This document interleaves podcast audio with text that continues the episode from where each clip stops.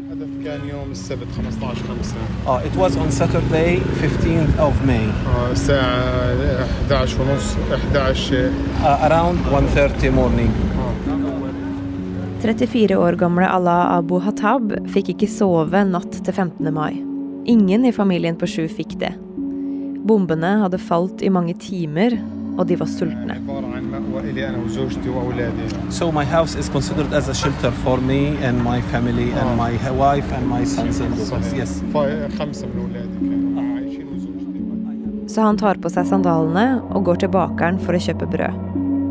Og mens han er der, så hører han flere voldsomme drønn. Han løper ut for å hjelpe til, men når han nærmer seg, så ser han hvilket hus det er. Hans eget. med hele familien inni. Kona, de fem barna og søstera hans og hennes barn.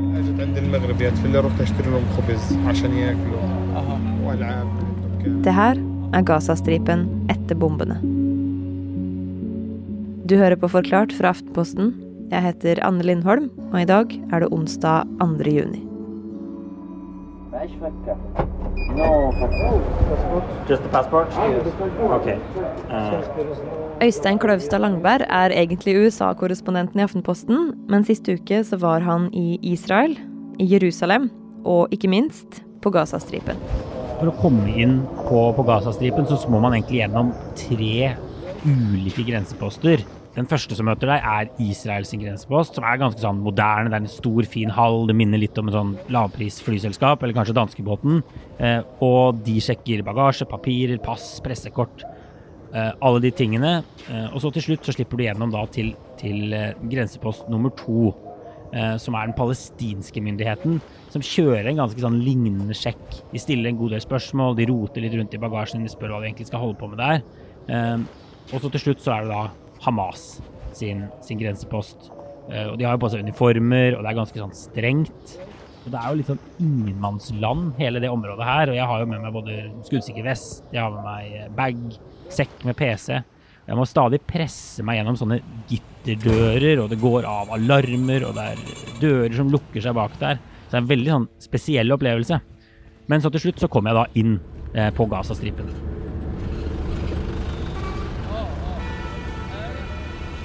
Det er en helt annen verden som møter deg. Israel er jo egentlig et ganske moderne land. Jeg hadde 4G da jeg var på grensa der. Jeg kunne lett sende meldinger, streame video, gjøre alt sånt. Inne i Gaza så er det bare alt dette borte. Det er supertreg, sneglete sånn edge på mobilen.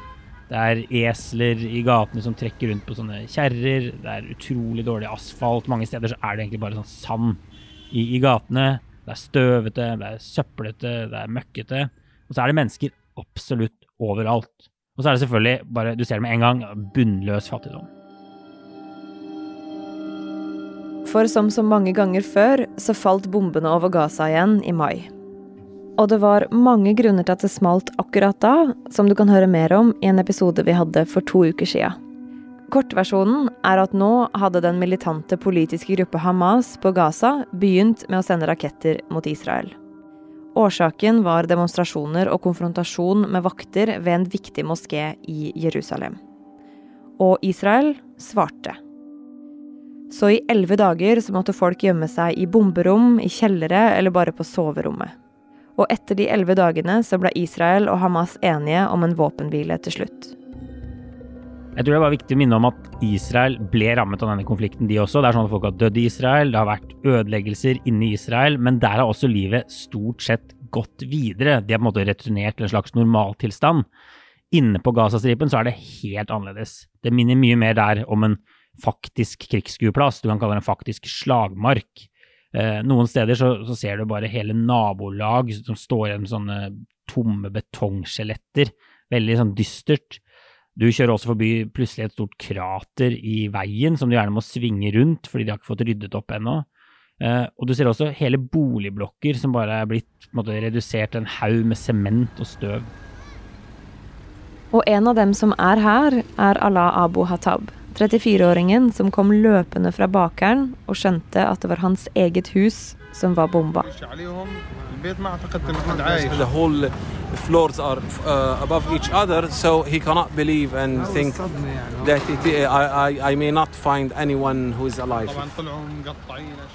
Men når redningsmannskapene kommer fram til Allahs hus, så finner de to overlevende.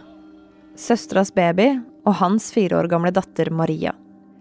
For idet raketten traff huset, så ble fireåringen slengt ut fra tredje etasje og ut i bakgården. Men resten av familien, Hatabs søster, kone og Maria sine fire søsken, de er døde alle sammen. Jeg og tolken min vi møtte Allah og datteren Maria i en sånn flyktningbydel i det som heter Gaza by. Og da jeg kom hit, så skjønte jeg veldig fort at dette var en helt spesiell historie. Eh, Maria har på seg en veldig sånn fin kjole med, med blonder. Den er blå og hvit. Og så står hun bare midt ute i disse ruinene av sitt gamle hjem og stirrer helt sånn tomt ut i luften. Hun sier ingenting, eh, og når folk henvender seg til henne, jeg og flere andre, så, så, så, så reagerer hun egentlig knapt. Og jeg har aldri sett et barn eh, som henne før. Eh, og, etter hvert så fikk jeg snakket med, med faren til Maria, eh, og han fortalte at hun ikke har sagt et eneste ord siden denne vi må kalle katastrofekvelden. For det som vel er to uker siden. Litt over to uker siden nå. Så alt hun sier, er takk når noen gir ting til henne. Ellers er hun helt stum. Og hun har sånne forferdelige mareritt. Hun skriker og roper eh, om natten. De har forsøkt å få henne til å leke med en venninne, men det måtte bare avbrytes, for hun bare gråt og gråt og gråt. Eh, og Allah er selvfølgelig ekstremt fortvilet. Alt han eide, ligger jo i de ruinene vi faktisk står på, så han har ikke noe hus. Så han og datteren de bor egentlig litt rundt omkring hos familie og venner og sånn, mens de prøver å finne ut hva som skal skje. Og alt han eier, har han bare med seg i to sånne bæreposer. Og nå prøver faren å finne en psykolog til Maria. Men hun er en av mange, mange flere som trenger hjelp.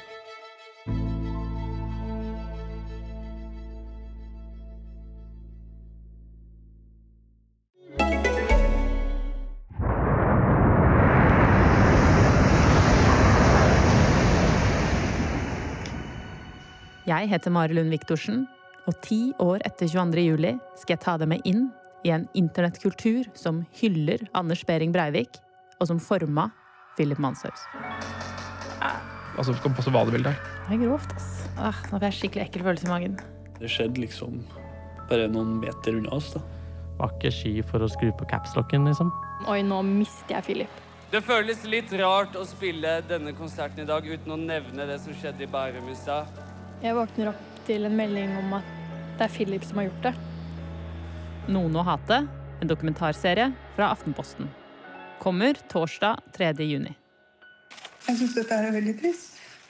Jeg har på en måte mistet eh, to unger.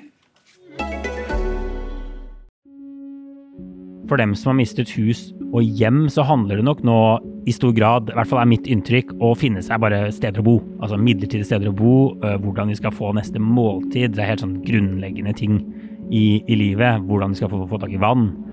Eh, Og de forteller alle at det er veldig sånn usikkert når de eventuelt kan flytte inn i et nytt hus, eller finne noe mer permanent, da. Så det handler egentlig om å overleve fra dag til dag. Og så er det selvfølgelig sånn at mange jobber med å bearbeide sorgen. Det har jo vært store tap i Gaza. Folk har mistet familiemedlemmer, barn, besteforeldre, søsken.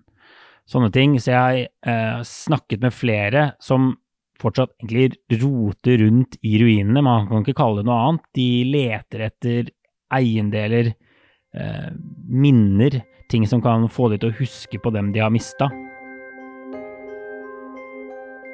Ifølge tall fra den israelske avisa Haaretz så døde 248 mennesker på Gazastripen i de elleve dagene med krigshandlinger nå i mai. På israelsk side så døde 13. Den samme skeivheten ser man de gangene det har vært konflikt siden 2008. Det har blitt sendt mange tusen raketter og bomber, både fra Israel mot Gazastripen, og ikke minst fra Hamas på Gazastripen og mot Israel.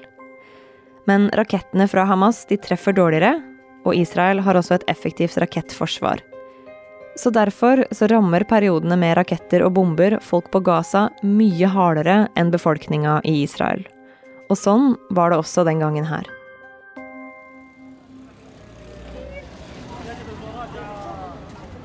De fleste bildene som kommer ut fra Gaza, viser jo ruiner, eh, ødelagte ting, ødelagte bygninger. Men byen har jo faktisk en ganske sånn flott strandpromenade, egentlig. Eh, og en fin strand. Og det er her masse mennesker henger på kveldene. De går turer, de er ute med venner, den type ting. Også nå. Eh, og det er også da fullt av selgere. Altfor mange selgere, får man si, i forhold til hvor mye folk det er der. Og du kan få kjøpt nøtter, du kan få kjøpt røyk, du kan få kjøpt kaffe. Alt du egentlig da måtte trenge når du er ute på en sånn strandpromenadetur. Så en av dem vi møtte der, er Bilal Ahmad.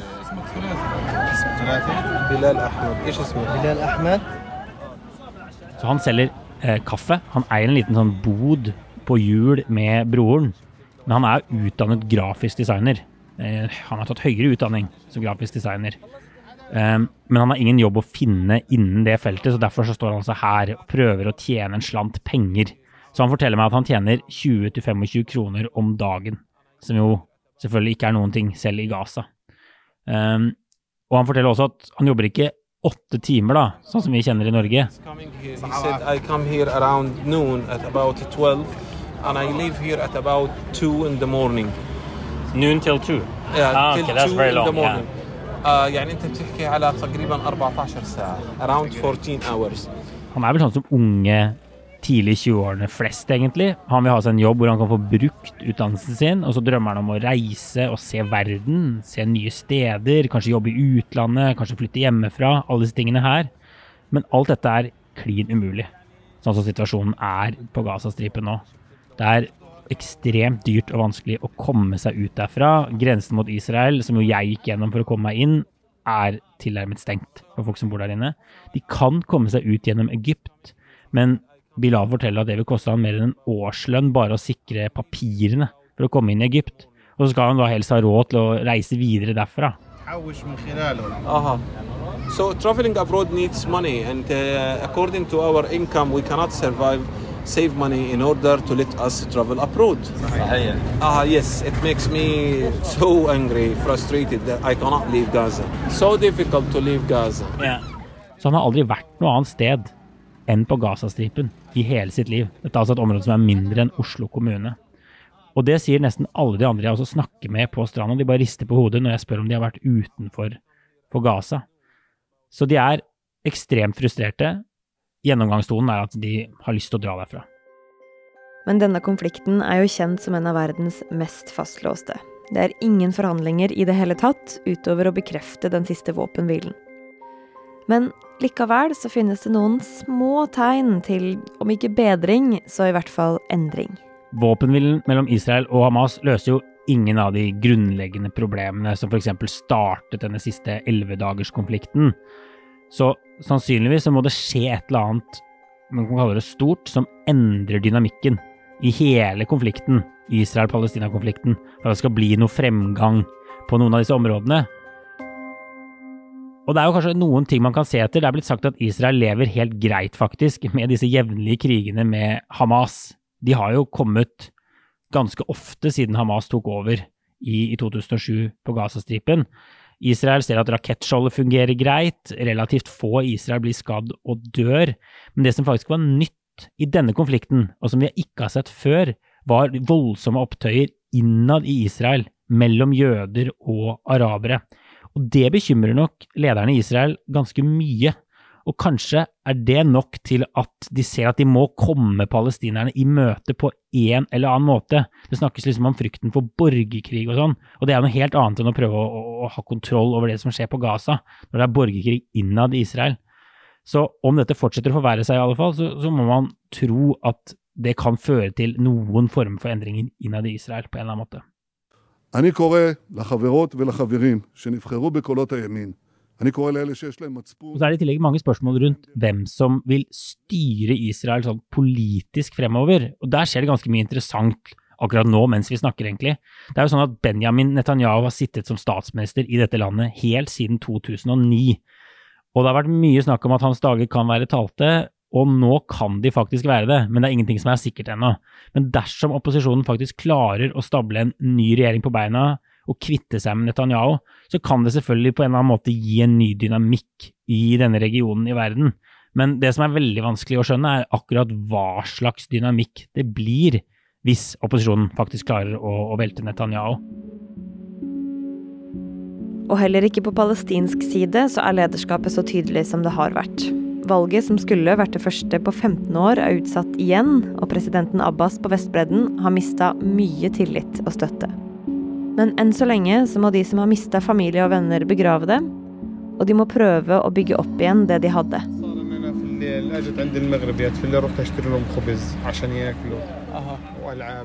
Allah Abu Hatab og datteren Maria de tar jo fatt på et helt nytt liv nå.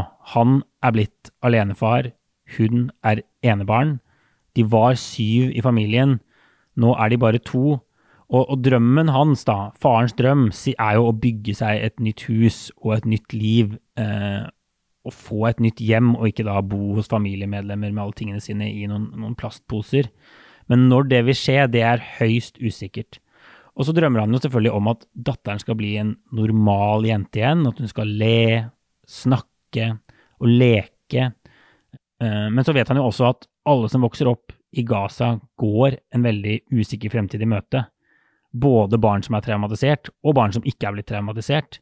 Én ting er jo fattigdom og arbeidsledighet, at det er ekstremt vanskelig å finne seg en jobb. Men en annen ting er jo at neste krig aldri er langt unna. Og da er det jo sånn at det blir nye bomber og raketter, og så må Gazastripen bygges opp nok en gang.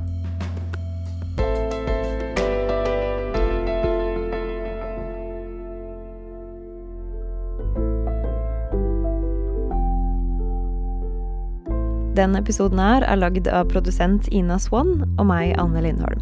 Resten av Forklart er Marit Eriksdatter Gjelland, Fride Næss Nonstad og Guri Leil Skedsmo. Du hørte lyd fra nyhetsbyrået AP.